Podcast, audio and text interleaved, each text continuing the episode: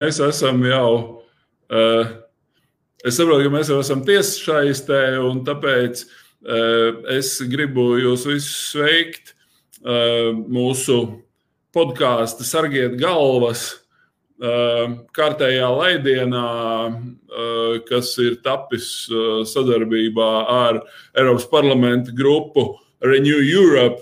Un sargiet galvas šajā gadījumā, kā jau mēs to šad un tad mēdzam atkārtot, ir gan tajā nozīmē, ka mums ir jāsargā tās gudrās galvas, kas mums Latvijā ir, un viņi nav mazums. Mums ir, mūsu uzdevums ir iepazīstināt jūs ar viņām. Un otrām kārtām sargiet galvas, vienkārši sargiet galvas no dezinformācijas, sargiet galvas no nepārbaudītas un racionāli nepamatotas informācijas. Un tajā nozīmē sargiet galvas ir tas, ar ko mēs nodarbojamies šajos podkāstos, un mums kā jau uh, Parasti abiem ar manu uh, kolēģi uh, Ilzu Dimantu ir pievienojies uh, viens no Latvijas gudrajām galvām. Un šodien tas ir Latvijas Universitātes Geogrāfijas un Zemes zinātņu fakultātes pētnieks, asociētais profesors Kristaps Lamsters. Eh, kurš ir jau pazīstams Latvijas zinātnē mīlošajai auditorijai ar to, ka eh, viņš ir eh, polāra pētnieks, geologs, bet arī viens no tiem, kas šo pētniecību attiecībā uz polāro reģionu veids tīri praktiski un ir vairākas reizes devies tur. Ja kādam ir interese, tad es, piemēram, ar ļoti, ļoti dziļu interesi noskatījos YouTube joprojām atrodamo, manuprāt, lielisko, laikam jau Latvijas televīzijas vai Jā, ne? Latvijas televīzijas. Uh, filmu. Uh, dokumentālo filmu ar nosaukumu Antarktīdas vilinājums, uh, kas ir ne tikai interesanta no zināšanu, kā saka, iegūst viedokļi, bet arī ļoti burvīgi vizuāli uztaisīt, kas, man Jā. liekas, Antarktīdas gadījumā ir īpaši skaisti, vai ne? Ilze? Man liekas, es pilnīgi sajūtu, kā tie pingvīni smirdēja. Jūs tur stāstījāt tik dzīvi, un ka jums tie zābaki slapji. Man liekas, nabagi, kā jums nav tie zābaki un tie kartupelīši tajā vilcienā. Tā filma bija tik, tik interesanti. Ja tā, ka tiešām iesakām. Un, un es, es, es, es, Ivar, es esmu pišķiņš satraukusies, jo man liekas, tā kā tādu zinātnes roksvaigzni intervēt polāra pētnieks. Nu, Kristap, kā, kā latvietis var būt polāra pētnieks? Jebkurš zinātnieks var būt polārpētnieks, un arī Latvijā ir tāda polāra pētniecības tradīcija. Nav pārāk liela mm -hmm. kā citām valstīm, bet nu, mums ir bijušas spēcīgas personības, un tu vienmēr gribās kādu izcelt. Tad, piemēram, Leonīds Laucītājs bija viens no izcilākajiem polāra pētniekiem, un viņa tas nopelns bija tāds, ka viņš pārvācās savā darbības laikā uz Argentīnu, un viņš vadīja uh, Argentīnas antarktiskās ekspedīcijas. Un Argentīna faktiski ir polāra pētniecības lielvalsts, jo turpat pāri Dreika jūras šaurumam šī valsts atrodas. Un valstī ir, laikam, pat varētu būt lielākais daudzums polāra staciju mūsdienās. Bet, Kristap, kā tur bija, piemēram, ja jūs, jūs aizbraucāt ar tiem pārējiem polāra pētniekiem, kā jūs varējāt konkurēt, ja viņi tur jau gadiem rušinās un uh, jūs bijāt samācījušies. Nu, es saprotu, jums ir ļoti daudz jau bijuši arī pieredzes ekspedīcijas uh, pirms tam, aparatūra arī apgūta. Bet, uh, bet kā bija tur būt uz vietas, un, un, un šie čaļi jau pēta gadiem, un, un jūs esat atbraukuši jauni un ar sparu. Un, kas varbūt bija pie jūsu, kā jūs varējāt nu, ar viņiem nezinu, konkurēt, vai kur likās, ka bišķiņi nu, šito nākamreiz vajag, vajag vēl paņemt šito aparātu. Vai viss bija jau sagatavots? Jūs jau tur divus gadus iepriekš saprotat, gatavojāties. Ja? Jā, gatavojamies kādu laiku iepriekš, un bija jau realizētas citas ekspedīcijas uz Islandi, uz Grenlandi. Tad mēs ļoti labi zinājām, ko mēs darām. Bet eh, te ir tas jautājums, kā cilvēkiem liekas, kas tiek pētīts šajos polārajos reģionos un kas tiek pētīts Antarktikā. Jo uh, tas ir ļoti labi un pareizi, ka mums Antarktika asociējas ar eh, ledājiem, jo tā ir vislielākā ledus masa pasaulē, tā skaitā arī saldūdens. Bet uh, tomēr, kā izrādās, Antarktika ir tāda unikāla vieta, kur uh, var pētīt pilnīgi jebko. Ja? Nav nekā tāda, ko mēs nevarētu pētīt Antarktikā. Un viss, ko jūs varat iedomāties, tas vai nu tiek pētīts, vai nu varētu tikt pētīts. Tādēļ mūsu gadījumā mums nebija absolūti nekāda konkurence, jo uh, Tomēr jāsaprot, ka polāra pētniecība notiek kaut kādās noteiktās jomās, kas kurai valstī ir vairāk attīstīta. Un šī stacija, uz kuru mēs bijām Antarktikā, tā saucās Akadēmiķa Vernatska polārstacija. Tā ļoti sena īstenībā. Jau Briti 1935. gadā tur uzbūvēja pirmo polārstaciju, vienu, var teikt, no senākajām. Un, uh, faktiski Ukraina šo te polāru staciju pārņēma 1996. gadā un vairāk kā 20 gadus nodarbojas ar dažādiem pētniecības jautājumiem. Tā skaitā tiek pētītas zemes dzīves, var teikt, magmē, magnētisms, tiek veikti seismiskie novērojumi, tiek pētīts ozonas slānis, tiek pētīta ionosfēra, dažādi atstarojumi atmosfērā. Un, principā, ledājus Ukrāņu pētnieki īsti pētījuši nebija. Šis tāds interesants jautājums, bet Antarktīda ir unikāla vieta, kur nav tik daudz dažāda veida piesārņojums. Un šeit es runāju nevis par reālu piesārņojumu, bet arī jebkāds cits piesārņojums, trokšņi, gaismu un tā tālāk. Tur pētnieki, piemēram, zibeņošanas mērījumus var veikt.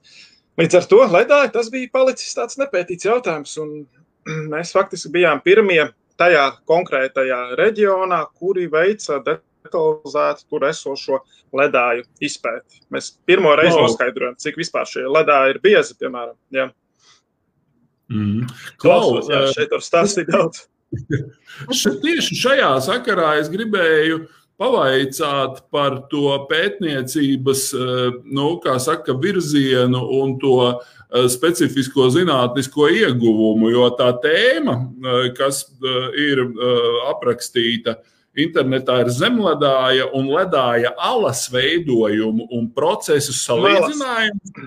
Skandināvijas ledus vairogu dienvidu sektora ārējā zonā mūsdienu ledājos Grenlandē, Islandē un Antarktikā.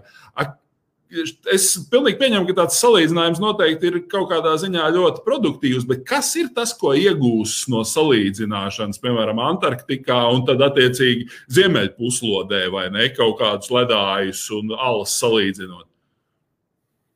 Jā, šis eh, nosauktais virsraksts ir mana pēcdoktorantūras pētījuma tēma pēcdoktoras pētījums ir jau noslēdzies, ja, starp citu, bet pētījumi, protams, turpinās.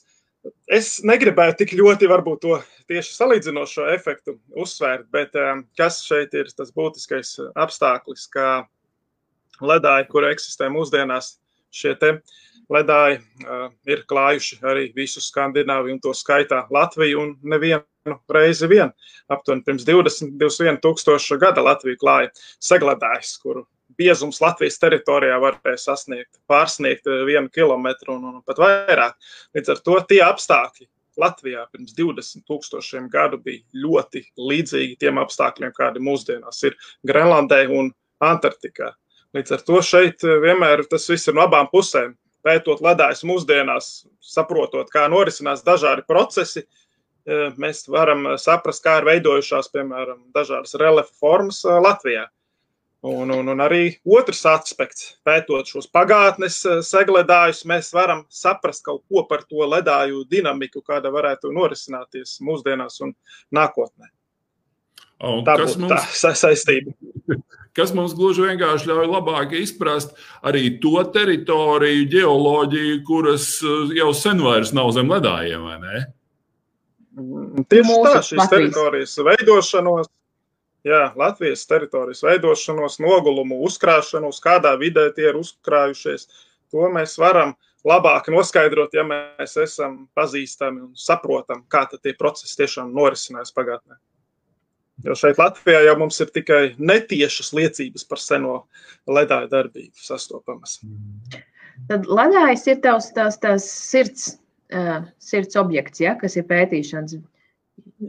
Vai Tā noteikti ir. Tam nonāca? Ledāja, ledāja pētījumi, jā, tā varētu būt tā sirds lieta un arī Bet zinātnes vēl, lieta.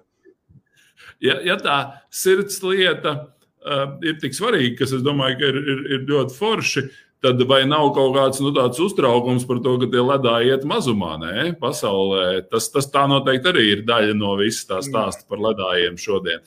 Man liekas, ka tas bija vienā intervijā uh, Eh, kur eh, tu tika runājis par eh, Islandes ledājiem, un kur es saprotu, ka no trījiem nu, jau ir palikuši vairs tikai divi vai ne kaut kā tā. Jā, tas satraukums īstenībā geologiem, polāra pētniekiem varbūt pat varētu būt mazāks nekā pārējai sabiedrībai, jo mēs jau zinām arī to seno vēsturi, kad ledāji, ledus laikmeti ir iestājušies, un pēc ledus laikmetiem bijuši starp ledus laikmeti, un, un tādi vismaz ir bijuši 50 cikli pēdējo 2,6 miljonu gadu laikā. Ļoti daudz. Klimats, apledojums, starppludus laikmeti norisinās visu laiku. Un, un tāda arī mūsu nākotne ir droši vien nākamais ledus laikmets. Bet, eh, protams, ka esot uz vietas, eh, kaut vai tajā pašā Islandē vai, vai Norvēģijā, tad jā, tur cilvēki saprot to, ka nav vairs palicis daudz ilgs mūžs šiem ledājiem grūti pateikt precīzi skaitļus, kā vienmēr, bet eh, tie skaitļi ir ļoti īsi. Tie ir kādi 100 līdz 200 gadi, kad, piemēram, Islandē jā, varētu visi ledāji nokust. Un tas, tas radīs milzīgas problēmas, kā jūs varat iedomāties. Jo Islandē, piemēram, elektroenerģija tiek ražota galvenokārt izmantojot eh, ledāju kušanas ūdeņus hidroelektrostacijās. Tādēļ problēmas būs milzīgas un problēmas būs arī nokūstot, piemēram, ledājiem Himalaju reģionā, kur tas ir galvenais eh, avots eh, irigācijai, apūdeņošanai, un no tā ir atkarīgi miljardiem cilvēku. Nu, tā ir tā mm. aktualitāte, var teikt. Jā, jā. Bet, ja domā par šo, tad nu, tās klimata pārmaiņas, protams, ka nu, tādā vai citādā veidā, ja runā piemēram par Antarktīdu, uh, tad tur jau man liekas, ka tā miedarbība ir ļoti, ļoti smalka, arī tāda, nu, kā saka, geoloģiska, bet arī atmosfēriska. Jo, cik es saprotu, tas nav tikai stāsts par ledāju kušanu, bet par to, kādu lomu vispār spēlē šie poli, gan, kā saka, Arktika, gan, gan Antarktika, tādā zemeslodes atmosfēras balansa nodrošināšanā. Jā, tieši tā, tas ir ļoti globāls jautājums. Un, uh, atmosfēras cirkulācija tas ir viens, un pats svarīgāks faktors tā ir uh, okeāna cirkulācija. Un okeāna cirkulācija ir viens no tiem būtiskākajiem mehānismiem, kurš uh, nosaka klimata izmaiņas mūsdienās un arī pagātnē un dažādus ilgtermiņa, īstermiņa ciklus. Un, teiksim, golfa straumi, nu, tas ir viens, bet Antarktikas cirkumpolārā straume, kur apjoš visu Antarktiku, tā ir vismilzīgākā ūdens masu kustība pasaulē, un tam visam ir ietekme uz visu eh, pasaules klimatu. Ja. Tas ir jāpatur eh, prātā. Un, protams, šī uh, sistēma ir ļoti, ļoti jutīga. Te daudz var dažādus piemērus minēt par Antarktikas ekosistēmu, vai ne par, par šiem te pingvīniem un, un ziemeļos sakar par polārāčiem, kurus ļoti ietekmē šīs klimata pārmaiņas. Nu, tādā veidā, ka to var burtiski novērot. Un, piemēram, par pingvīniem runājot, uh, vai ne, tad viens aspekts ir, piemēram, ka dažas pingvīnu sugas var migrēt tālāk uz dienvidiem, jo tiem atbrīvojas jaunas platības, ko neklāja ledus, bet atkal citām sugām jūras ledus samazināšanās, piemēram, eh, piemēram rada jā, daudz lielāks traucējums viņa eksistencē. Bet jūs arī, Krista, papētījāt klimatu ja? savās ekspedīcijās? Mēs varam teikt, tiešā veidā var, varbūt ne, bet eh, netiešā veidā mēs veicam galvenokārt ledāju pētījumus un veicam dažādus mērījumus. Ledājos eh, ļoti detalizētus mērījumus konkrētās vietās. Gan ledus biezumu mēs varam noskaidrot, gan mēs varam noskaidrot eh, arī ar netiešām metodēm, kāda ir ledus temperatūra. Jo ne visur ledus ir augsts, dažviet ledus ir silts un satur ūdeni. Tāpat mēs varam noskaidrot, kā veidojas un attīstās ledāja noteces sistēma, ledājā, kur atrodas iekšledāja, zemledāja tuneļi tādus dažādus interesantas lietas, kas ļoti būtiskas uz ledāju dinamiku un atkāpšanos. Un, protams, ka mēs novērojam, ka šie ledāji ļoti strauji atkāpjas Arktikā un Antarktikā. Piemēram, Islanda tika minēta nu, 200 metri gadā, ledāja mala atkāpjas. To var novērot jebkurš cilvēks, kurš dodas uz šo teritoriju atkārtot. Cik jūs pasaulē esat polāri pētnieki? Kāds ir tas pulciņš? Ko jūs tur savā starpā konferencēs parunājaties tagad? To jāsaka, es nevaru atbildēt. Es domāju, ka tas skaits ir ļoti liels. Jo nu, palāta pētnieks jau nav tikai tas cilvēks, kurš tiešām dodas ekspedīcijās un veic šos pētījumus uz vietas. Ir pietiekami daudz cilvēku, kuri nodarbojas ar modelēšanu. Vismaz kā ar pusi mm. no palāta pētniekiem, es domāju, varbūt nekad nav arī bijuši šajos ledājos. Un jebkuru citu jomu pārstāvi, kuri analizē palāta pētnieku atvestos paraugus, piemēram. Mm. Bet es pieņemu, ka droši vien ka visa pētniecība Latvijā jums droši vien nepaliek tikai uz uh, no Antarktikas vai no Islandes atvesto paraugu pētniecību. Jūs droši vien arī Latvijā uz vietas kaut kādas lietas darat, vai ne? Mēs te tikko par salaspili runājām kādu mirkli atpakaļ. Mm, jā, tieši tā Latvijā. Uh, arī reizēm notiek aktīvi mūsdienu geoloģiskie procesi. Daži ir labāk pamanāmi, daži mazāk, piemēram, upju krastos, jūras stāvkrastu atkāpšanās. Tie var būt tādi uzskatāmāki piemēri. Reizēm notiek kāds noslīdenis, turēdis noslīdenis, bet pēdējā laikā ir aktualizējies jautājums par karsta procesiem un parādībām. Respektīvi, salaspīlī ir izveidojusies Salaspils apkārtnē ir izveidojies eh, zemes iegrūms, tā saucamā karsta kritene, kurš ir veidojies eh, ģipšakmens šķīšanas eh, rezultātā. Un šis iegrūms ir salīdzinoši liels, vairāk kā septiņus metrus ir redzama tāda vertikāla aka, un tālāk jau pēc mūsu datiem tie sākotnēji secinājumi ir, ir tādi, ka šie tukšumi pazemē ir izplatīti daudz plašākā platībā, nekā mēs to varētu domāt virzemē. Līdz ar to pastāv diezgan liels risks, domājot gan par māju, gan par ceļu vai kādu citu lielāku objektu būvniecību šajā apkaimē. Un ne tikai salas, protams. Tikko, tikko arī jūs bijāt tur, vai ne? Šodien. Uz Jā, tieši tā, šodien tieši atgriezāmies. Un... Nu, ko, ko, ko, ko, ko izpētīja? Tad šie jaunākie pētījuma rezultāti, kur mēs izmantojām eh, dažādas eh, geofizikas eh, metodas, mēs mērījām grunts un, un iežu pretestību un gravitācijas izmaiņas, piemēram. Un, jā, mēs ar vairākām metodēm jau esam apstiprinājuši, ka pazemē salīdzinoši nelielā attālumā no Zemes virskārtas, nu, kādu septiņu metru dziļumā, atrodas palieli tukšumi un eh, virsējie slāņi šajos tukšumos faktiski var iebrukt jebkurā brīdī. To mēs nevaram paredzēt. Tādēļ Latvijā noteikti vajadzētu šos te eh, tā saucamos geoloģiskos riskus daudz eh, vairāk apzināt. Jo Latvijā ir teritorijas, kurās ir palielināts geoloģiskais risks. Tad vajadzētu šīs teritorijas novērtēt un attiecīgi pieņemt attiecīgus likumus šajās teritorijās. Jo, piemēram, Salaspīlī ir, uzbū, ir bijis uzbūvēts atomreaktors, un atomreaktors atrodas vienā no visaktīvākajām šo karsta procesu teritorijām, un šīs karsta kritenes ir turpat apkārtnē novērojamas tad ir Bet, diezgan daudz nezināma par Latvijas zemes dzīvēm, kas var potenciāli mūs apdraudēt. Jūs gribat teikt, ka tad, kad viņi būvēja Salaspils reaktoru, viņi par šādiem riskiem vispār nedomāja. Jo man liekas, ka tur nu, tā kodola elektrostaciju būvniecība tā jau ir mm. tāda lieta, kur viņi tur ļoti dziļi iet zemē, bet acīm redzot, tas nav noticis. Ja?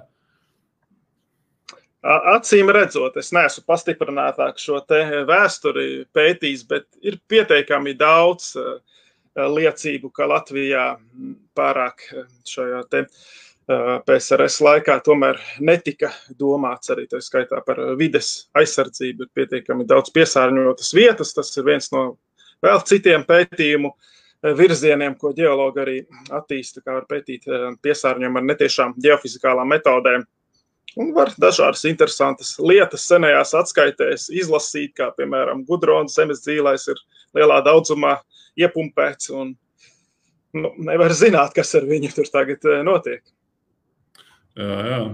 Bet, ja mēs atgriežamies pie tiem ledājiem, man ieintriģēja tas, ko jūs teicāt eh, kaut kur sākumā, ka nu, patiesībā geologi nu, tur par to visu to klimata pārmaiņu un ledus kušanu nu, tā neuztraucās kā varbūt kaut kāds vidējais zaļais aktīvists. Tajā nozīmē, ka, nu, acīm redzot, nu, skaidrs, ka nu, dažādi, kā saka, ledus laikmeti ir bijuši pietiekoši daudzi. Un tā tālāk, un tā tālāk. Es gribēju jautāt, vai geologu vidū tur pastāv pilnīga vienprātība, vai tur ir arī tādi, nu, kā saka, klimata skeptiķi un klimata histēriķi, nu, kā jau tas ļoti bieži gadās. Es domāju, ka zinātnieku vidū noteikti pastāv vienprātība bet, nu, kā jau mūsdienās, dažādi pseidozinātnieki un tā tālāk, kurus saucēja par zinātniekiem, bet es neesmu dzirdējis, ka zinātnieku vidū valdītu kādas eh, domstarpības. Bet, eh, protams, ir daudz dažādu, dažādu detaļu, par kurām var strīdēties un, un diskutēt par konkrētu laiku, kurā kāds apledums ir iestājies, bet um, citādi globāli, es domāju, viss ir vienisprātis. Bet, ja runā par to uh, ledāju kušanu, Tad eh, es saprotu, ka nu, tur siltumnīcas efekts, CO2 un metāna koncentrācija atmosfērā tas ir tas, par ko mēs šobrīd uztraucamies. Tā skaitā Eiropas Savienībā, tur zaļā kursa ietvaros un tā tālāk. Tas ir eh, tādā ģeoloģiskā eh, perspektīvā tikai viens no faktoriem, ne, kas ietekmē ledāju kušanu, mm. jo tur tam līdzās ir vesela virkne ar citiem. Tur droši vien, ka jūs varat kaut ko par šo pakomentēt. Jā, geoloģiskā izpratne tas ir viens no faktoriem, un geoloģiskā izpratnē arī var teikt, ka lielākoties tomēr ir bijis tā, ka CO2 ir tas, kurš seko teikt, temperatūras kāpumam. Ja? CO2 palielinās tā, ka temperatūra sāk kāpt. Parasti ir bijis tā, bet šobrīd tā situācija ir pilnīgi otrādāka. Un, tāda situācija, kā ir mūsdienās, es pat īsti nezinu, vai pagātnē bijusi vismaz uh, šajos pēdējos 2,6 miljonus gadu uh, laikā tāda situācija, ka oskābās gāzes koncentrācija atmosfērā ir pārsnieguši šīs 400 miljonās daļiņas, faktiski nekad vēl nav bijusi. Uh, starp ledus laikmetos un starp, starp ledus laikmetos un ledus laikmetos tās svārstības bijušas kaut kur starp 280 un nedaudz pāri 300 daļiņām uz miljonu. Tā ka situācija ir unikāla, un šeit cilvēka devums ir pilnīgi un viennozīmīgi skaidrs. Un visinteresantākais jau ir tāds, ka mums ir ļoti grūti pašreiz eh, prognozēt, kas tad varētu notikt nākotnē, jo šāda konkrēta situācija nav bijusi, ka tieši oskābā gāze ir pats galvenais faktors, kurš varētu tālāk šīs klimata pārmaiņas eh, izmainīt. Bet, eh, ja skatās uz zemes, jā, pamodelēt jau var. To, ar to zinātnieki nodarbojās.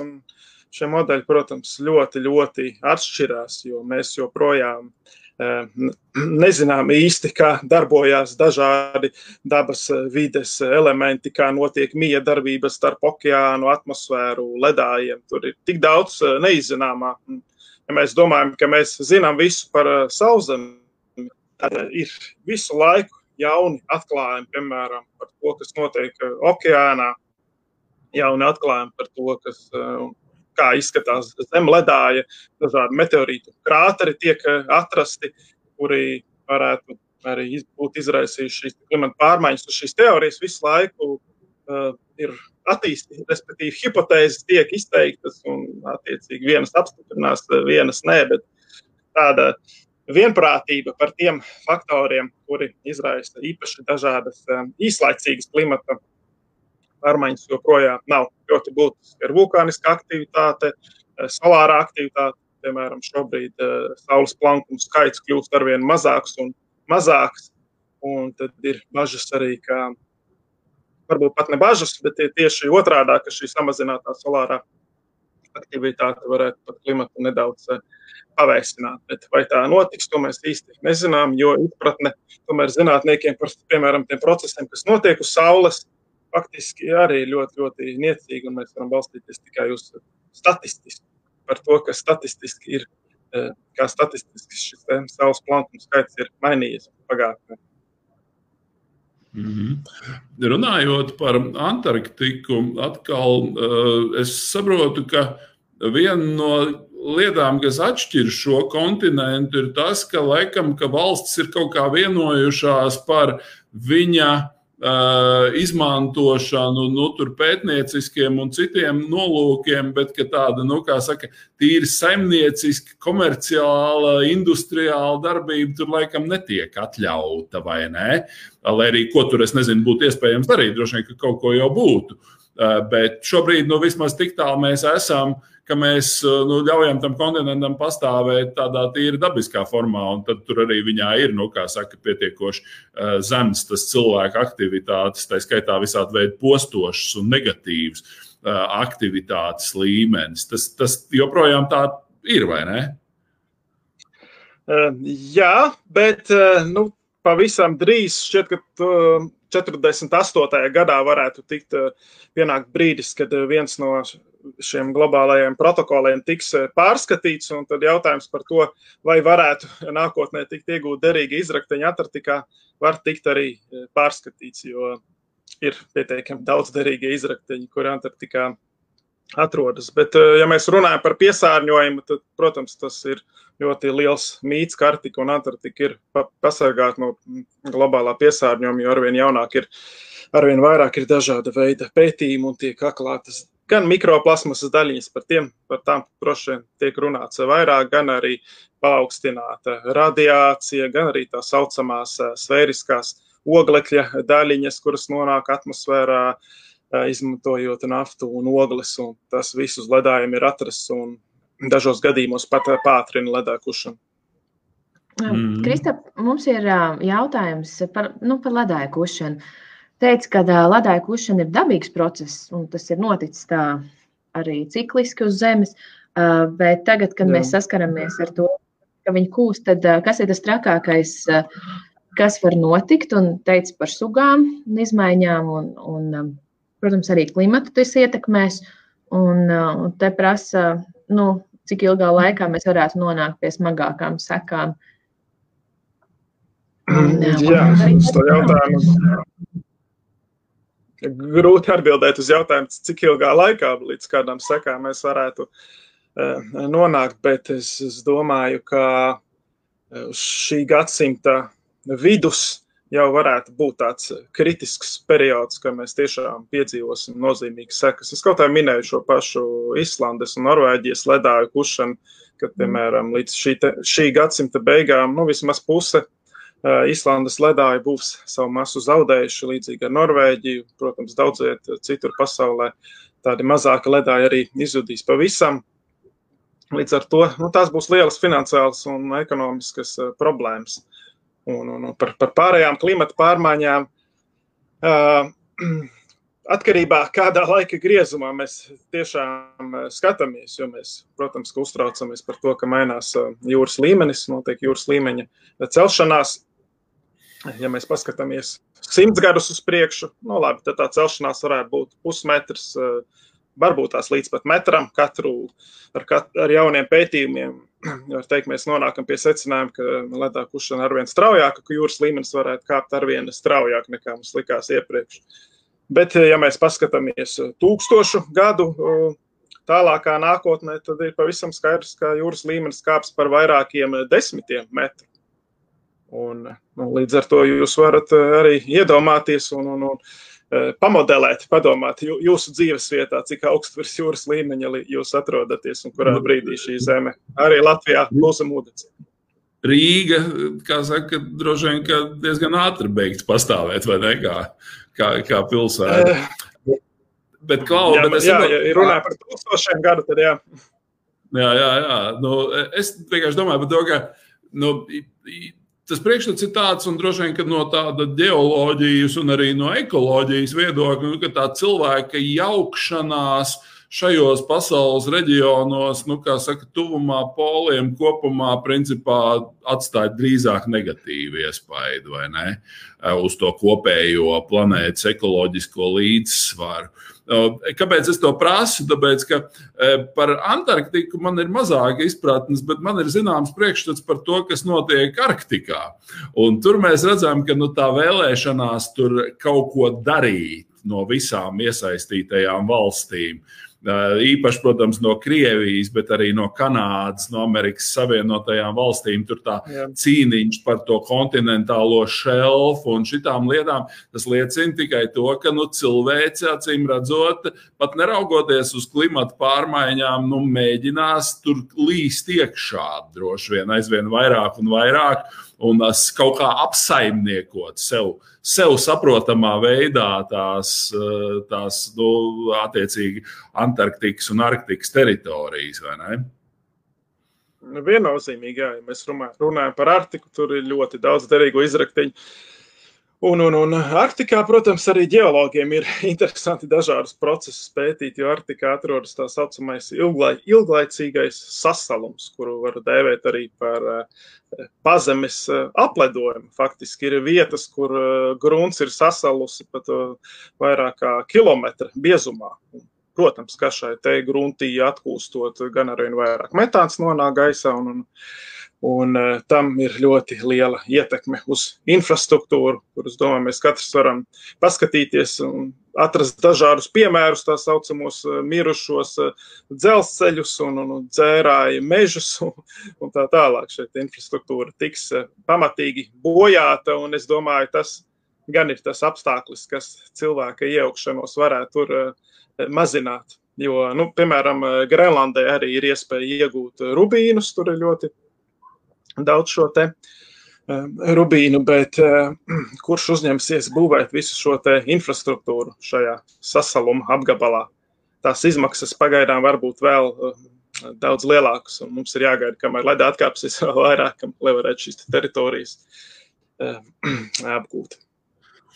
Ne, nu, vienīgā cerība ir tāda, ka nu, ņemot vērā, ka uh, mēs tomēr, nu, kā cilvēks, es domāju, ar, ar Eiropu priekšgalā mēs mēģinām iet projām no fosiliem kurināmiem.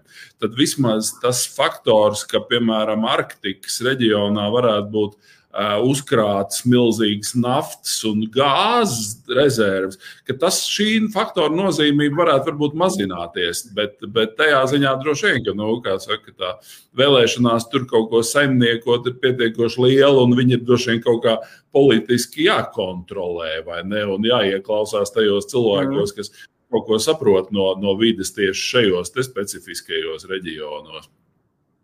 Un šeit arī īstenībā polāra pētniecība ir liela nozīme, jo tās polāra stacijas, kuras tiek būvētas, tur jau mēģina šīs polāra stacijas attīstīt, um, balstoties uh, pilnībā uz um, atjaunojumu elektroenerģiju, gan izmantojot saules enerģiju, gan, gan vēja ģenerators. Tādas polāra stacijas jau ir radītas, kur nav uh, vajadzīga dīzeļdegviela, kā tas, piemēram, ļoti daudz kur ir, vai arī pat uh, ogles ja mēs runājam, piemēram, mums pēdējā ekspedīcija bija uz Svalbāru.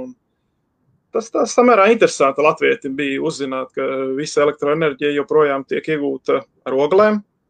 Un īstenībā nevienam tas nekādas problēmas joprojām tur nesagādā arī politiski, jo tas ir vislētākais veids, un šīs ogles turpat ir atrodamas arī. Arī mums nācās kurināt plītiņas ar oglēm. Eh, līdz ar to mm. nu, tas ir jautājums, vai, vai, vai, vai valstis vēlas uzturēt šīs platības, izmantojot šo zaļo enerģiju.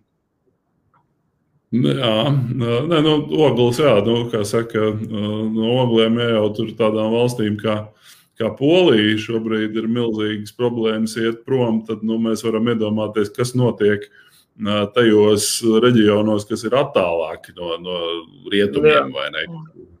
Tā, tā, tā skaitā nevajag aizmirst arī par Ķīnu, vai ne? Ja vispārējā pasaule ir samazinājusi ogļu lietošanu, tad Ķīna pēkšņi šajā Covid laikā ir šo samazinājumu pilnībā e, nosegusi. Mm. Tā kā vai nu šeit ir globālas vienošanās pilnībā, vai arī, vai arī tam ir daudz mazāka jēga nekā tas varētu būt. Jā, nu, pēdējo nedēļu laikā mēs esam varbūt bišķiņi pa kapeiku tuvāk pavirzījušies uz to globālo vienošanos eh, attiecībā vismaz uz, uz Amerikas iesaisti, kas beidzot ir notikusi tādā pietiekoši skaidrā formā. Nu, ķīnieši arī, vai ne? Nu, savukārt attiecībā uz mūsu lielo, eh, kā saka, petro lielu valsti Krievija, protams, nu, tur, kā saka, tā ieinteresētība klimata pārmaiņu mazināšanā bija, bija, bija, bija ārkārtīgi, ārkārtīgi nosacīta. Pat neskatoties uz to, ka nu, dižais prezidents pat bija klātesošs tajā klimata samitā. Bet Ilzi, tu gribēji kaut ko piebilst? Nē, nē, es, es nevaru nociesties. Es gribu, gribu vēl par tām ekspedīcijām paprasīt, bet jūs droši jā, jūs par klimatu. Jā, jā. jā, jā. par ekspedīcijām. Par nu, uz kurien nākamā? Uh, tad uh, Latvijas ģeologu faktiski polārās ekspedīcijas nākamās ir paredzētas uz Arktiku. Un šajā vasarā tiek plānotas divas ekspedīcijas, jo tiek īstenot arī divi pētniecības projekti. Viens Eiropas projekts, viens Latvijas Zinātņu padomus projekts. Viena ekspedīcija norisināsies uz Svalbāru, un otra, cerams, protams, vēl redzēsim, kā būs situācija uz Grenlandes ziemeļa rietumiem. Šeit tā situācija varētu būt diezgan sarežģītāka, jo Grenlandē tiek iedalītas teritorijas, tādas dažas ir ļoti jutīgas teritorijas. Nu, faktiski tur ir ļoti niecīga populācija, un uh, tur nebūtu vēlams, ka cilvēki šajā Covid laikā iebrauc. Tādēļ mēs esam nedaudz skeptiski, vai uz Grenlandi mums izdosies šo ekspedīciju īstenot, bet visticamāk, ka uz Svalbāru, uz Svalbāras arhipelāgu, kurš atrodas Arktikā starp Norvēģiju un Ziemeļu, Ziemeļpolu. Jums jau nagi nies droši vien ne par to, nu, gribās tur braukt un, un, un pētīt uz vietas. Nu, tikko mūsu grupā ir potes plecā, tādēļ šī plānošana beidzot var sākt īstenoties. Ar potēm saprotot tās Covid vakcīnas. Vai, vai Tieši jā, tā, ā, jā. nē, Es pieņemu, ka braucot uz šiem reģioniem, nav jāpotējās tā kā, brauc uz, uz Indiju vai, vai kaut kur tur, kur ir. Jo, ne, lai, kas? Starp citu, šajā kontekstā, kas droši vien nav. Nu, Jūsu specialitāte droši vien ir geoloģija tiešā veidā saistīta, bet tur jau ir kaut kāds tas stāsts par to, ka ledājos, īpaši tajos, kas ir sasaluši ļoti, ļoti sen, ka nu, viņos ir kaut kādi mikroorganismi, kas ir saglabājušies, vai ne? Kas izklausās pēc tādas drusciņas, pēc tādas zinātniskās fantastikas un šausmu filmām.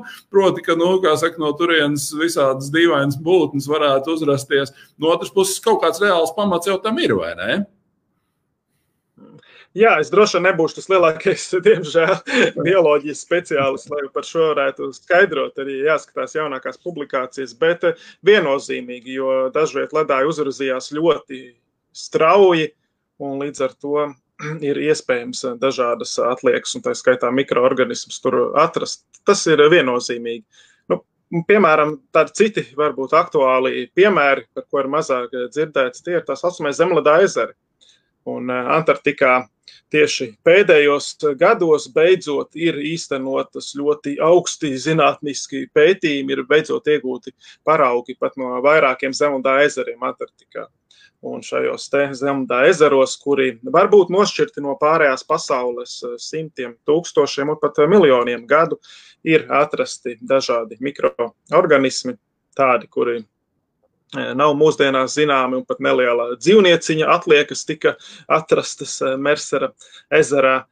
Tādēļ es domāju, ka šeit varētu būt diezgan interesanti secinājumi par to, vispār, kā dzīvība arī ir attīstījusies. Jo Zemladā ezeri varētu būt viena no tām vietām, kur dzīvība ir attīstījusies un arī eksistē mūsdienās uz diezgan lielas daļas no Saules sistēmas pavadoņiem jo lielu daļu no pavadoņiem klāja bieza ledus sega, un aizvien vairāk tiek atklāti zemledā ezeri vai pat globāli ūdens slāņi, kur teorētiski šī dzīvība varētu mitināties. Un pētījuma Antarktikā palīdz apstiprināt, ka tiešām dzīve var šādos skarbos apstākļos eksistēt. Man Dānijā bija viena kolēģa mikrobioloģija, kur pētīja mikroorganismus mākoņos. Uh -huh. Mākoņi, es domāju, nav nemaz tik bīstama vieta.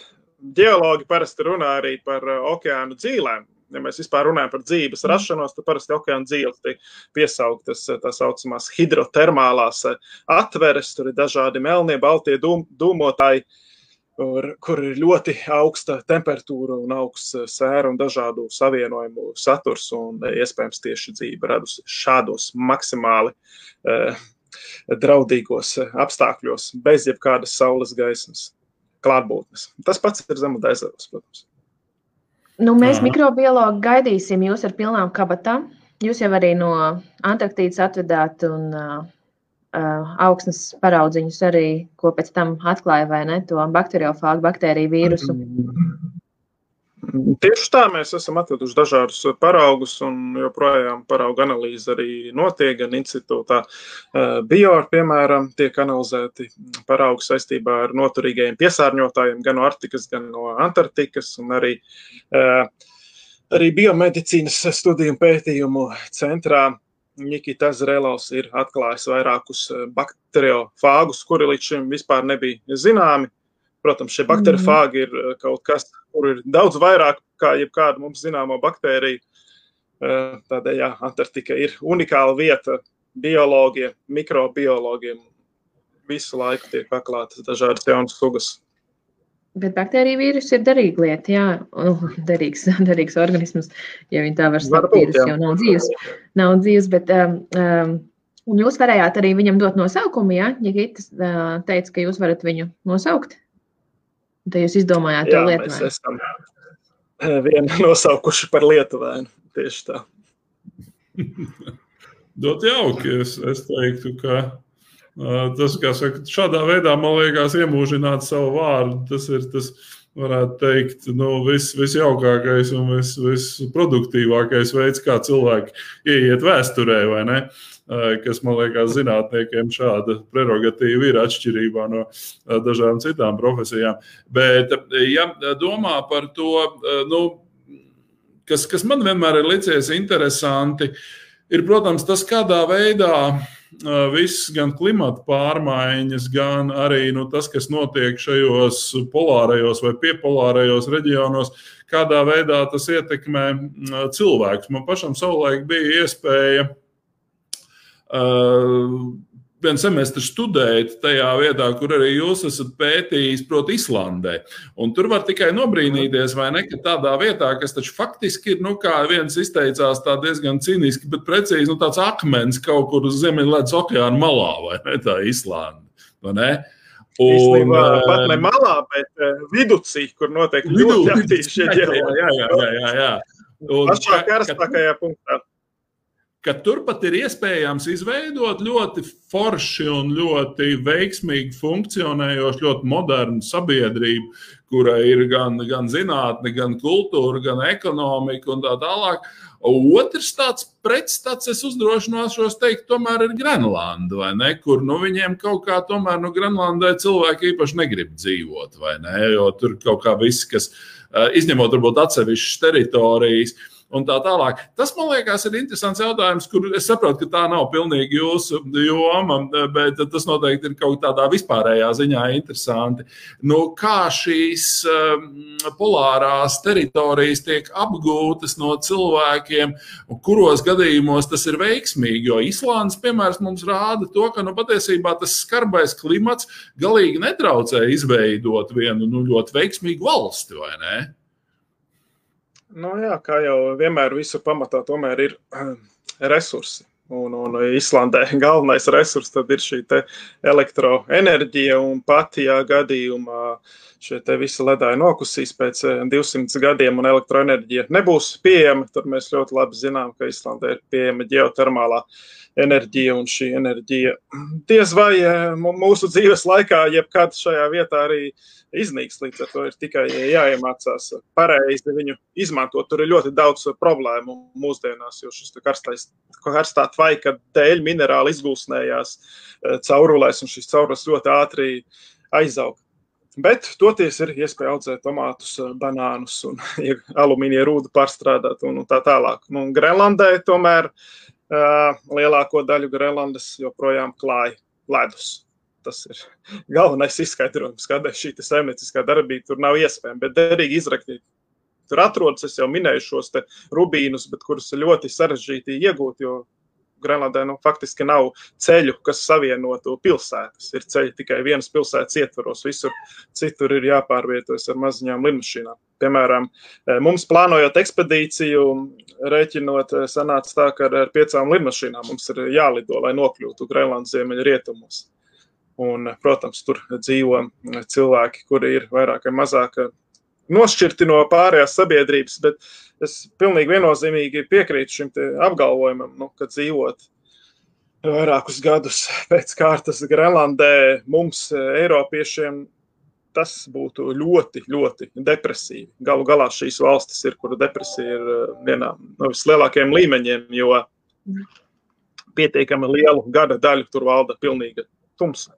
Mums jau Latvijā tumsa izraisa depresiju, bet uh, tur arī runājot ar cilvēkiem, kas dzīvo no Dāņiem un, un Norvēģiem, viņi aizbrauc pastrādā, un, protams, viņi brauc atpakaļ. Tāpat tās arī latvieši Islandē pastrādā, Islandes vasarā, un pēc tam viņi dodas atpūsties uz siltajām zemēm ziemas laikā. Mm -hmm. Tādēļ nedomāju, ka šeit kaut kas mainīsies padzīvoju pusgadu, un tur bija vietējiem joks, ka, ja tev paliek karsti, tu nevis nogriez radiatoru, bet atver logu. Jo, nu, tā enerģija, jā, viņi plūst, visur. Bet tas humors arī viņiem man ļoti patika. Viņi, kā, viņi nelikās tik depresīvi. Es gan arī biju vasaras laikā, varbūt arī tāpēc. Viņiem tāds, tāds melns, foršs, um, foršs humors. Melns humors. Jā, melns. Bet, bet, uh, bet jā. A, klausies, uh, nu, a, tu asociētais profesors, es cik tev gadu? Uh, Kā tas tā sanāca? Vai 33 vai 34 šķiet. Vairs jau tā nevar īsti izsakot līdz šim milzīgiem gada skaitlim. Bet, jā, nu, tā akadēmiskā virzība man, var teikt, bez pārtraukuma ir bijusi, kad es iegūstu doktora grādu, tad es turpināju darboties pēcdoktorantūras projektā, kā vadošais pētnieks, tad arī pēc pēc doktorantūras projekta bija iespēja kandidēt uz asociētā profesora vietu. Mhm. Nu, un šajā Covid laikā kaut kādas klātienes aktivitātes ar studentiem arī notiek. Jo es pieņemu, ka jums jau nu, geoloģija ir viena no tām lietām, kur ir diezgan daudz nepieciešama, nu, kā saka, tāda nu, hands-on vai ne eh, strādāšana tur. Uh, Vai, vai, vai arī tur arī tomēr lielākoties viss tādā Zoom formātā ar, ar prezentācijām? Jā, šis, šis laiks geologiem nav bijis pārāk labs. Un, un, un būs geologu kurs, kurš ļoti maz ir bijis un veicis šos praktiskos uzdevumus laukā. Tur, tur nav vienkārši iespēju bijis, jo Latvijas universitāte tiek pieņemti noteikumi ka visam jānotiek attālināti, un tas tā arī notiek. Bet šobrīd mums ir cerība, ka vismaz šajā vasaras sākumā studentiem varēs prakses norisināties vismaz daļai klātienē. Un, ja students nespēja ar, ar rokām šos nogulumus vai nepataustīt, nu, tad, protams, ir grūti iemācīties un noteiktos. Un, eh, kā jūs atlasat cilvēkus, vai nu, es pieņemu, ka jūs esat noteikti viens no tiem, kas to dara eh, šīm ekspedīcijām? Es pieņemu, ka nu, jauniešiem, kas ir izvēlējušies sev eh, šo darbības virzienu, tur noteikti tā vēlēšanās piedalīties tādā pasākumā varētu būt ārkārtīgi iekārojama. Vai ne? Jo nu, arī tajā ziņā tā nav tāda vieta, kur uh, var vienkārši ekskursijā izbraukt. Tur ir eh, tomēr tā, tas ir ļoti, ļoti, nu, kā saka, tāds, es pieņemu, liels notikums. Jebkura jauna cilvēka dzīvē doties uz, uz, uz šiem polārajiem reģioniem, gan attāluma ziņā, gan arī tās nošķirtības ziņā un tā tālāk. Kā, kā, kā tiek atlasīti tie cilvēki? Tie ir, nu, kā saka, labākie no labākajiem uh, Latvijas universitātes studentiem un maģistrantiem, doktorantiem vai kaut kā savādāk? Paldies, ja tev par šo jautājumu man arī ļoti interesē. Jā, ļoti, jauki. Būtu lieliski, ja, protams, tā, tā būtu. Bet uh, uh, sākotnēji, protams, šķiet, ka jebkurš ir gatavs braukt ekspedīcijā. Bet uh, tomēr, kad izrādās, ka ir jāapgūst noteikts mācību saturs, kurš universitātē tiek pasniegts, vai ne, tad tā studentu centība, diemžēl, diezgan ātri mazinās. Līdz ar to, ja students tiešām vēlas uh, savus pētījumus veikt polārajos apgabalos, tad viņam ir jābūt ļoti centīgam un jāapgūst visi tie priekšmeti, kuri tiek pasniegti. Nu, tad tas varētu būt tas ierobežojošais apstākļus. Un polāra pētniecība Latvijā ir šobrīd ļoti jauna joma, kas tikko, var teikt, attīstās līdz ar to tā pavisam nav, ka mēs varam izvēlēties no daudziem cilvēkiem, kuri ir gatavi doties šajās ekspedīcijās. Tā ir cilvēki, kuri varētu gan fiziski, gan psiholoģiski, gan arī intelektuāli visus šos uzdevumus paveikt. Nu, diemžēl nemaz tik daudz uh, nav. Te jums tāpat kā kosmonautiem jātrenējās. Ja? Ir, protams, arī jāgatavojas. Tad tu tik Jāni Karušu tikpat labi kā sievu saprot no pusvārdiem. Ja? Nu, diezgan tuvu tam. Protams, mūsu gadījumā jau nu, mēs nepavadām tik daudz laika šajās polārajās ekspedīcijās, bet, piemēram, Antarktikā Ukrāņu kolēģi tur dzīvo gadu un ilgāk. Nu, un tad tie stāsti jau ir tādi, ka, tā, kad es pavadīju gandrīz gadu ar kolēģiem, tad beigās jau tu vairs neizēji no savas istabiņas un nevēlies nevienu no viņiem redzēt. Tā kā es domāju, daudziem Antarktikas ziemotājiem tā situācija varētu būt līdzīgāka kā kosmonautiem. Tādēļ arī tur tiek veikti dažādi psiholoģiski pētījumi. Mm. Jā, jo tur jau taču nu arī, saka, tā satiksme ar, ar, ar kontinent, citiem kontinentiem ir laikam nu, pietiekoši sarežģīta, īpaši ziemas mēnešos, vai ne, kad, kad tie kuģi nemaz tik tik, ja gadījumā kaut kas notiek, nu, tad tev ir ļoti par daudzām lietām jābūt gatavam atbildēt pašam, vai ne? Un nepaļauties uz kaut kādu palīdzību, kuru tev sniegs no ārpuses. Tieši tā, šis ļoti būtisks apstākļus, ka satiksme ziemas laikā nav nekāda. Ja? Ir polārstacijas, kas vairāk kā sešus mēnešus vispār nav iespējams uh, nokļūt. Un, protams, ka norisinās dažādi starpgadījumi. Un ļoti labi, ja šie starpgadījumi norisinās, tad, kad vēl var ar kuģiem nokļūt. Ukrāņu polāru pētniekiem ir tādi bijuši, ir cilvēkam, teiksim, aklā zarna izoperēta, bet ir radušās komplikācijas. Rezultātā ir jāsauc palīgā, piemēram, Čīla kurai varbūt kaut kur turpat netālu atrodas ledlauzis un ir iespējams arī ar ar ledlauzi šo cilvēku evakuē tālāk attiecīgi ar militāru lidmašīnu, un tas viss aizņem kādu nedēļu, lai vienu cilvēku evakuētu un nogādātu līdz kontinentam. Tā kā ir, ir bīstami, un, protams, kā agrāk polāri pētnieki bieži vien piedzīvoja dažādus um, atgadījumus, kas arī ar nāvi beidzās. Nu, bet jūsu paša entuziasmu es pilnīgi pieņemu, ka tas tomēr lielos vilcienos nemazina. Vai ne? Nu, tomēr, kā saka, tur ir arī kaut kāda tā, aizrautības moments, kas nozīmē to, ka, nu, saka, tā, tā, tā iespēja uzzināt kaut ko jaunu, uh, tomēr ir arī diezgan daudz ko vērta vai ne cilvēkiem. Nu, jā, es domāju, ka tas arī ir viens no galvenajiem motivatoriem. Iespēja izpētīt neizzinātas teritorijas. Uh, kādas eksistē Antarktikā. Un, un, un mēs ar savu entuziasmu arī, protams, kā Ukrāņu kolēģiem, kuri tur šo visu gadu bija pavadījuši, tad ienesām nedaudz dzīvīgumu polāra stacijā. Un, un viņi atkal daudz straujāk ķērās pie saviem. Kāda sieviete bija? Bioloģiskiem vai pārstarā? Uh, Meitenes satikāt Antarktikā? Šis jautājums ir nedaudz eh, interesants, jo tajā gadā, kad vēl mēs bijām šajā polārstacijā, tad eh, gan Ukrainas, gan Krievijas polārstacijās sievietēm bija aizliegts eh, ziemot.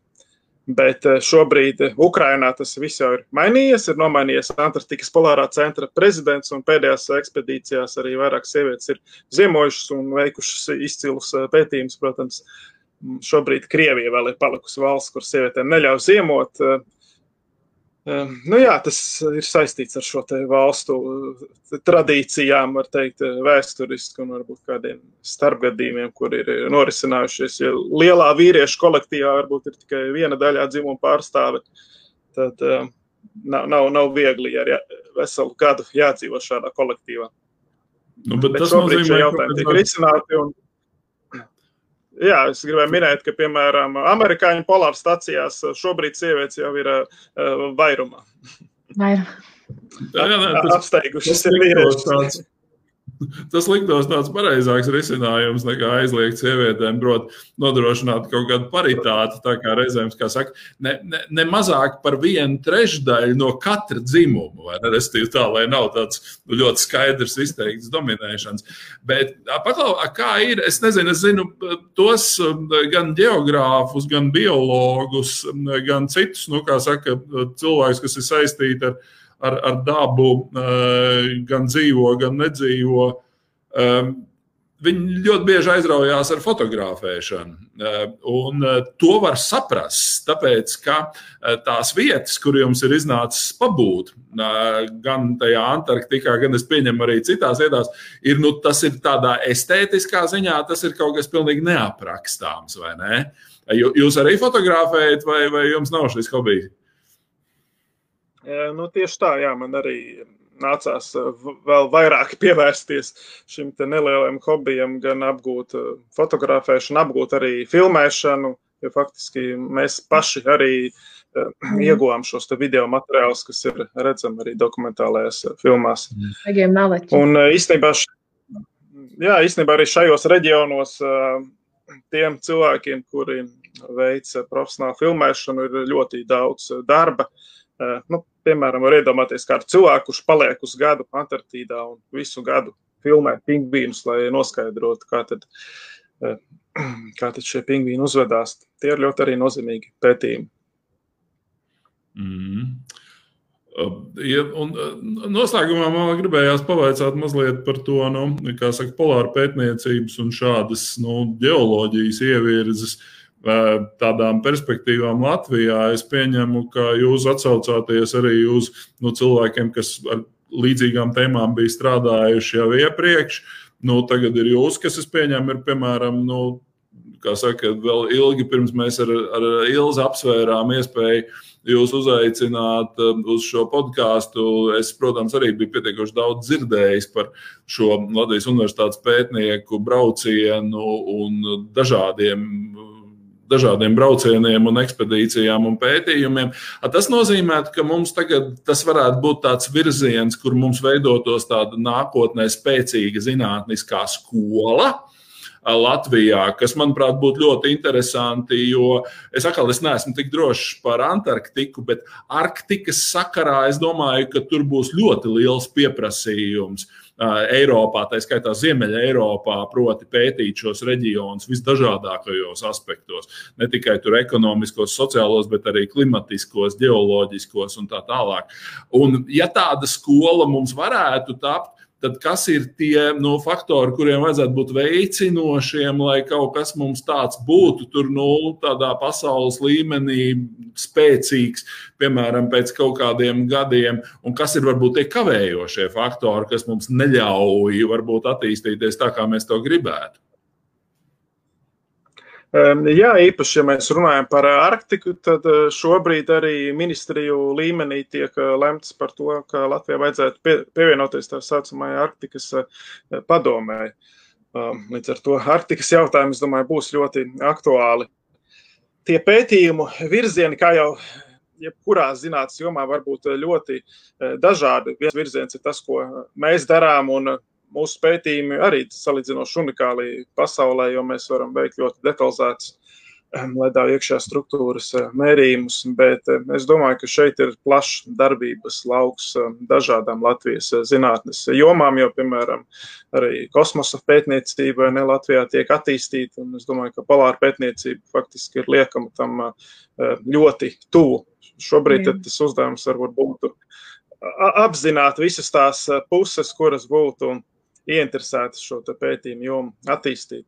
Arī mēs savā ekspedīcijās esam mēģinājuši sadarboties gan ar eh, mikrobiologiem, eh, gan citu jomu pārstāvjiem, eh, bieži vien arī tas ir rezultējies ar gan zinātniskām publikācijām, gan iespējām šo jomu turpināt nākotnē. Tā, tas jomas tiešām ir daudz. Tā pati mikrobioloģija noteikti ir viena no jomām, jo Latvijā mums ir pietiekami daudz speciālisti, kuri šobrīd, gan, protams, nodarbojas ar Covid saistītām tēmām un sekvenē šo te vīrusu, nevis kaut ko, kas būtu vienkārši savādāk zinātniski interesants. Bet... Es no, mm. noteikti saredzu, ka ir vairākas jomas. Bet tad jūs jūtat valsts atbalstu un, un, un nu, fundamentāliem pētījumiem arī tādiem, kas nenes tikai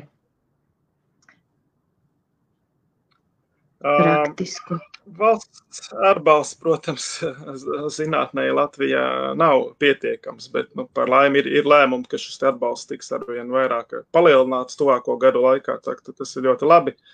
Bet uh, ar tādiem pētījumiem ne, neliela problēma, kādu es saredzu, kad arī tiek izsludināti Latvijas projektu konkursi, ka šos konkursus uh, bieži vien jau vērtē uh, ārēji eksperti. Un uh, šie te, uh, pētījumi ne, netiek vienmēr apstiprināti pēc tām tēmām, kuras tiešām varētu būt aktuālas šeit, Latvijā, bet par tēmām, kuras vienkārši globāli aktuālas. Bet ģeoloģija ir daudzas tēmas, kuras tiešām ir svarīgi pētīt, jo šie ģeoloģiskie procesi un riski ir, ir lieli. Tādēļ ir nepieciešams lielāks valsts atbalsts un valsts pētījumu programmas, konkrēts pētījumu programmas. Piemēram, polārā pētījumi tie parasti ir Tās ir valsts pētījuma programmas un desmit gadiem vismaz. Cik jums mhm. studenti šobrīd ir geologos? Geologos šo studentu pārāk daudz nav, jo geoloģija tomēr ir salīdzinoši šaura nozare, bet 11 studenti, teiksim, bakalauros šobrīd studē otrajā kursā. Reizēm tie ir vairāki desmiti studenti, kuri iestājās. Tā kā tas Latvijas darba tirgumu īstenībā pat eh, reizēm eh, nepietiek ar tiem speciālistiem, mm -hmm. ko pietrūkst. Jā. Bet tas nav tikai Latvijā, tas ir arī visās mūsu kaimiņu valstīs. Līdz ar to šeit nu, mums ir jādomā jā, par izglītības sistēmas atvērtību un, un, un potenciālajiem studentiem no arī eh, Āzijas un citām Eiropas valstīm. Bet, klau, bet kaut kur jau noteikti ir arī uh, studiju programmas kaut kādās uh, polārajās stadijās vai uh, Arktikas, Antarktikas studijās, vai ne? Vai, vai, vai, vai nu, pie mums jau tas, laikam, jā? Mm -hmm. Jā, jā, ir piemēram tajā pašā Svalbāras arhipelagā. Viena ir universitāte, kura faktiski ir veltīta visai šai polārajai jomai, un daudzās valstīs, Amerikā, Lielbritānijā, ir uh, Antarktikas uh, dienesti. Nu, tur jau ir uh, vairāk kā simts gadus sena šī pētniecības uh, vēsture. Tādēļ daudzas jomas mums nākas faktiski iesākt Latvijā no jauna. Bet tas nenozīmē, ka mēs pēc kādiem gadiem, desmit, nepanāksim pārējo pasauli dažā, dažādās mm. jomās. Mm -hmm. Bet viennozīmīgi mums trūkst eh, speciālistu, jo polārā pētījuma joma tas ir kaut kas ļoti plašs. Līdz ar to ir vajadzīgi cilvēki no dažādām zinātņu nozarēm, vajadzīgi fiziķi, matemātiķi, modelētāji, biologi, lai varētu tādu lielu grupu veidot. Mm -hmm. Nē, nu, es vienkārši domāju par to, ka tas varētu būt iespējams uh, viens no produktīviem virzieniem arī tādā no Latvijas zinātnes specializācijā, vai ne? Ka, jo tā ir jā, tieši, tieši tā, visdažādākajos aspektos, ne tikai, ne tikai saka, dabiskos, un, un, un, un, un bioloģiskos un citos, bet arī sociālos, ekonomiskos un tā tālāk. Labi, Klau, mums ir jāsaka uh, abiem ar Ilzi droši vien sirsnīgs paldies. Uh, Kristapam Lamsteram no Latvijas Universitātes geologam, polāra pētniekam un vispār, kā saka, pasauli krietni vairāk redzējušam cilvēkam nekā uh, mums, vai ne? Jo nu, tās tiešām tās vietas, kur jums ir izdevies pabūt nevis vienkārši intereses, bet nopietnas zinātniskas pētniecības vārdā, tā ir lieta, par kuru es domāju, ļoti daudz jūs apskauž. Jo tas ir patiešām fantastiski un īpaši tad, ja tas vēl arī nes, kā saka, zināšanu pieaugumu un zinātnes attīstību. Paldies jums, Kristap! Uh, paldies, Paldies. Uh, Ilzei! Uh, tas Paldies. bija um, Renew Europe atbalstīts podkāsts Sargiet galvas, viņa kārtējais laidiens par turpmākajiem laidieniem, kuri neizbēgami un jau tuvākajā laikā sekos. Mēs jums uh, turēsim lietas kursā. Paldies par uzmanību un lai mums visiem veicās! Paldies, Kristap, lai izdodas nākamās Paldies! Visu labu! uzvaras.